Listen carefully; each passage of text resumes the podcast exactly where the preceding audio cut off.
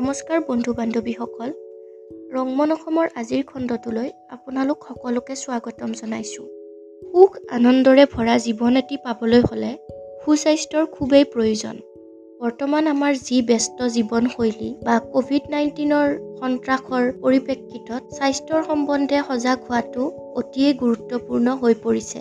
বন্ধু বান্ধৱীসকল শৰীৰ সম্বন্ধে সাতটা গুৰুত্বপূৰ্ণ দিশ আজি আমি আলোচনা কৰিম। আৰু সাতটা যাদুকৰী সংখ্যা যিয়ে আমাৰ সুস্বাস্থ্যৰ ওপৰত গুৰুত্বপূৰ্ণ ভূমিকা পালন কৰে।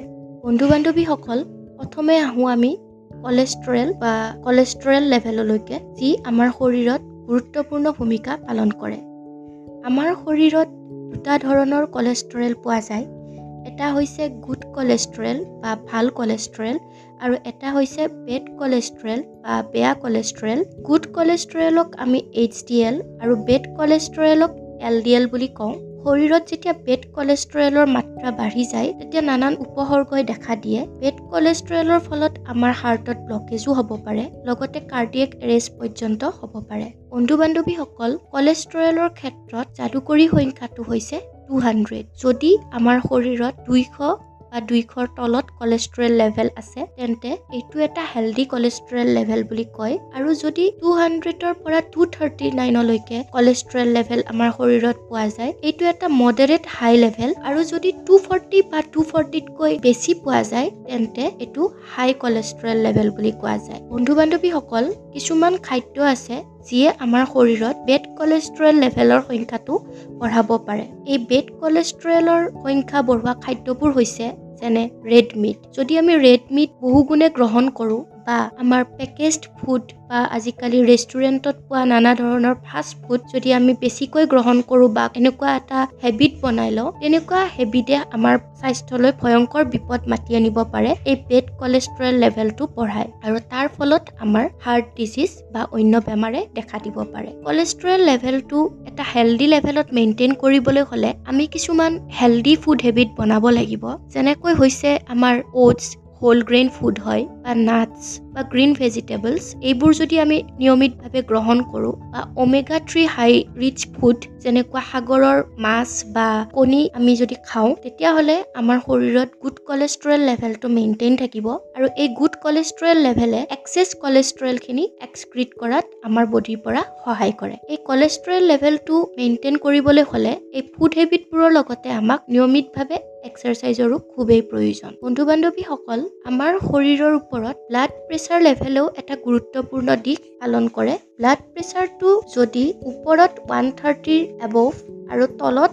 যদি এইট্ৰি এবভ হয় তেতিয়া হাই ব্লাড প্ৰেছাৰ বুলি কোৱা হয় আৰু এই হাই ব্লাড প্ৰেছাৰৰ ফলত আমাৰ ষ্ট্ৰ'ক বা হাৰ্ট ডিজিজ এইবোৰ ঘটিব পাৰে। যদি খাদ্যত অতিমাত্ৰা নিমখ পোৱা যায় আৰু আমাৰ শৰীৰত যদি অতিমাত্ৰা নিমখ আমি গ্ৰহণ কৰোঁ তেন্তে আমাৰ ব্লাড প্ৰেছাৰ লেভেলটো হাই হ'ব পাৰে আৰু এই হাই ব্লাড প্ৰেছাৰৰ ফলত আমাৰ ষ্ট্ৰ'কো হ'ব পাৰে। এটা হেল্ডি ফুড হেবিটৰ লগতে নিয়মিতভাৱে এক্সাৰচাইজ কৰাও খুবেই প্ৰয়োজনীয় যিয়ে হাই ব্লাড প্ৰেছাৰ লেভেলটো কণ্ট্ৰলত ৰাখিব পাৰে। ওৱান থাৰ্টি আৰু ওৱান থাৰ্টিতকৈ এবভ যদি ওপৰত থাকে আৰু এইট্টি বা এইট্টিৰ এবভ যদি তলত থাকে তেতিয়া হাই ব্লাড প্ৰেছাৰ আমাৰ কনচিডাৰ কৰা যায় আৰু ই ভয়াৱহ বিপদ মাতিব পাৰে। বন্ধু বান্ধৱীসকল তাৰপিছত আহোঁ আমি। বৰ্তমান আমাৰ ফিফটি পাৰ্চেণ্টৰে অধিক মানুহক গ্ৰাস কৰা এবিধ ৰোগলৈ। এইটো হৈছে মধুমেহ বা ডায়েবেটিছ ৰোগ। আমাৰ শৰীৰত পেনক্ৰিয়াজে ইনচুলিন নামৰ হৰমন এটি চিক্ৰেট কৰে। যেতিয়া আমি খাদ্য গ্ৰহণ কৰোঁ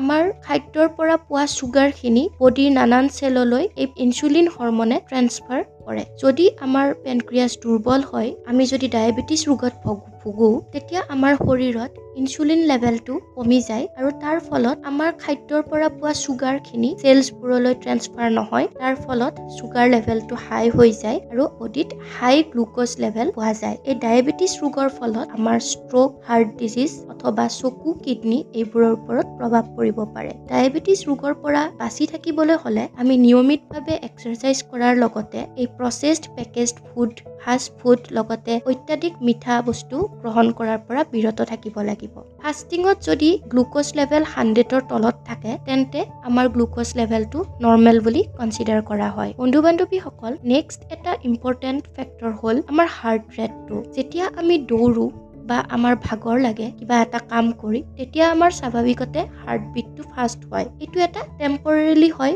আৰু এইটো এটা নৰ্মেল কথা। কিন্তু যদি আমি ৰেষ্টিং পিৰিয়ডত থাকোঁ আৰু আমি বহি কিবা কাম কৰি আছোঁ নতুবা টিভি চাই আছোঁ বা শুই আছোঁ তেতিয়াও আমাৰ হাৰ্টবিটটো ছিক্সটিৰ পৰা হাণ্ড্ৰেডলৈ নৰ্মেল আৰু হাণ্ড্ৰেডৰ ওপৰত হাৰ্টবিটটো বাঢ়ি যায়। তেন্তে এইটো এটা এলাৰ্মিং চিটুৱেশ্যন হয়। গতিকে হাৰ্টবিটৰ ৰেটটো ছিক্সটিৰ পৰা হাণ্ড্ৰেডৰ ভিতৰত থকাটো খুবেই ইম্পৰ্টেণ্ট হয়। বন্ধু বান্ধৱীসকল নেক্সট এটা ইম্পৰ্টেণ্ট ফেক্টৰ হৈছে আমাৰ ৱেষ্ট চাৰ্কামফেৰেঞ্চ আমাৰ কঁকাল বা পেটৰ তল অংশত যিখিনি চৰ্বি জমা হয় সেইখিনি কিমানখিনিলৈ থাকিলে কোনো বিপদ নহয় বা কিমানখিনি পাৰ হ'লে এটা এলাৰ্মিং চিটুৱেশ্যন হয় সেইটো ৱেষ্ট চাৰ্কামফেৰেঞ্চ হয়। পুৰুষৰ ক্ষেত্ৰত ফৰ্টি ইঞ্চৰকৈ কম আৰু মহিলাৰ ক্ষেত্ৰত থাৰ্টি ফাইভ ইঞ্চতকৈ কম হ'ব লাগে এই ৱেষ্ট চাৰ্কামফেৰেঞ্চটো যদি এই চৰ্বিৰ মাত্ৰা বাঢ়ি যায় তেন্তে আমাক অবেচিটি বা অন্য উপসৰ্গই দেখা দিব পাৰে আৰু যাৰ ফলত ডায়েবেটিছ বা হাৰ্ট ডিজিজ এইবোৰ হ'ব পাৰে। আৰু এই সকলোবোৰ কণ্ট্ৰলত ৰাখিবলৈ হ'লে আমি এৰবিক এক্টিভিটি লোৱাৰ বডি ষ্ট্ৰেচিং বা ফাষ্ট ৰানিং এইবোৰ কৰিব লাগিব লগতে হেল্ডি ফুড হেবিট ল'ব লাগিব। নেক্সট এটা ইম্পৰ্টেণ্ট ফেক্টৰ হ'ল বি এম আই বা বডি মাছ ইণ্ডেক্স আমাৰ বডিৰ মাছ মানে ওজন কিমান ৱেইট লগতে আমাৰ হাইট কিমান সেই দুটা ৰেচিঅ' ওলাই বডি মাছ ইণ্ডেক্স কাউণ্ট কৰা হয়। আৰু এই body mass index generally eighteen point ফাইভৰ পৰা টুৱেণ্টি ফ'ৰ পইণ্ট নাইনলৈকে নৰ্মেল বুলি কনচিডাৰ কৰা হয়। আৰু এই বডি মাছ ইণ্ডেক্স এইটো ৰেঞ্জত থকাৰ কাৰণে খুবেই ইম্পৰ্টেণ্ট হয়। কিয়নো যদি আমি এটা healthy body mass index maintain নকৰোঁ তেন্তে আমাৰ কিছুমান উপসৰ্গই দেখা দিব পাৰে যেনে আমাৰ ডায়েবেটিছ বা হাৰ্ট ডিজিজ বা অবেচিটি এইবোৰ বেমাৰৰ আমি চিকাৰ হ'ব পাৰোঁ। বডি মাছ ইণ্ডেক্সটো মেইনটেইন কৰিবলৈ হ'লে আমি ৰেগুলাৰ এৰবিক এক্টিভিটি এক্সাৰচাইজ এইবোৰ কৰা প্ৰয়োজন। লগতে fast food high salted food বা high process food fried food এইবোৰ এভইড কৰিব লাগিব। আৰু নেচাৰেলি যিবোৰ খাদ্য পোৱা যায় লাইক আমাৰ গ্ৰীণ লিফি ভেজিটেবলছ বা এগছ বা ফিছ এইবোৰ গ্ৰহণ কৰিব লাগিব। বন্ধু বান্ধৱীসকল আৰু এটা ইম্পৰ্টেণ্ট ফেক্টৰ হৈছে volume oxygen maximum level volume অক্সিজেনটো হৈছে যেতিয়া আমি কিবা এটা এক্সাৰচাইজ কৰোঁ বা কষ্ট কৰোঁ তেতিয়া কিমানখিনি লেভেলত আমাৰ একজষ্ট ফিল হয় বা অক্সিজেন লেভেল কিমানখিনিলৈকে থাকে সেইটো ভলিউম অক্সিজেন মেক্সিমাম লেভেল বুলি কোৱা হয়। এই ভলিউম অক্সিজেন মেক্সিমাম লেভেলটো যেতিয়া আমি সাধাৰণতে দৌৰোঁ বা বাইকিং কৰোঁ চাইক্লিং কৰোঁ তেতিয়া এই ভলিউম অক্সিজেন লেভেলটো এটা হেল্ডি লেভেলত মেইনটেইন হয়। নহ'লে ইয়াৰ পৰা আমাৰ হাৰ্ট ডিজিজ বা অন্য কিবা বেমাৰ শৰীৰত দেখা পোৱা যাব পাৰে। বন্ধু বান্ধৱীসকল এইকেইটা খুবেই ইম্পৰ্টেণ্ট দিশ আমাৰ শৰীৰত বা আমাৰ সুস্বাস্থ্যৰ লগত জড়িত আৰু এইকেইটা এটা হেল্ডি লেভেলত মেইনটেইন কৰিবলৈ হ'লে আমাৰ ব্যস্ত জীৱনৰ মাজত হ'লেও সপ্তাহত পাঁচদিনকৈ থাৰ্টি মিনিটছ অন্তত ৰেগুলাৰ এক্সাৰচাইজ আৰু হেল্ডি ফুড যিবোৰ naturally enrich food naturally protein minerals vitamins থকা যিবোৰ ফুড হয় কোনো ধৰণৰ পেকেজিং বা প্ৰচেছিং নহয় সেইবোৰ ফুড গ্ৰহণ কৰাৰ লগতে আমাৰ daily routine like sleeping for eight hours বা খাদ্য হেবিট বা ফুড হেবিটটো আমাৰ হেল্ডি লগতে এক্সাৰচাইজ কৰা এই সকলোবোৰ যদি আমি নিয়মিতভাৱে পালন কৰোঁ এই সাতটা গুৰুত্বপূৰ্ণ দিশ আমাৰ এটা হেল্ডি লেভেলত বডিত মেইনটেইন হৈ থাকিব যাৰ ফলত আমি এটা হেল্ডি লাইফ পাব পাৰোঁ। বন্ধু বান্ধৱীসকল আজিলৈ ইয়াতে এৰিছোঁ। আগলৈ পুনৰ এটা নতুন বিষয়বস্তু লৈ অহাৰ প্ৰতিশ্ৰুতিৰে ধন্যবাদ। সকলোৱে হেল্ডি থাকক আৰু হেল্ডি লাইফষ্টাইল এটা মেইনটেইন কৰক। Bye bye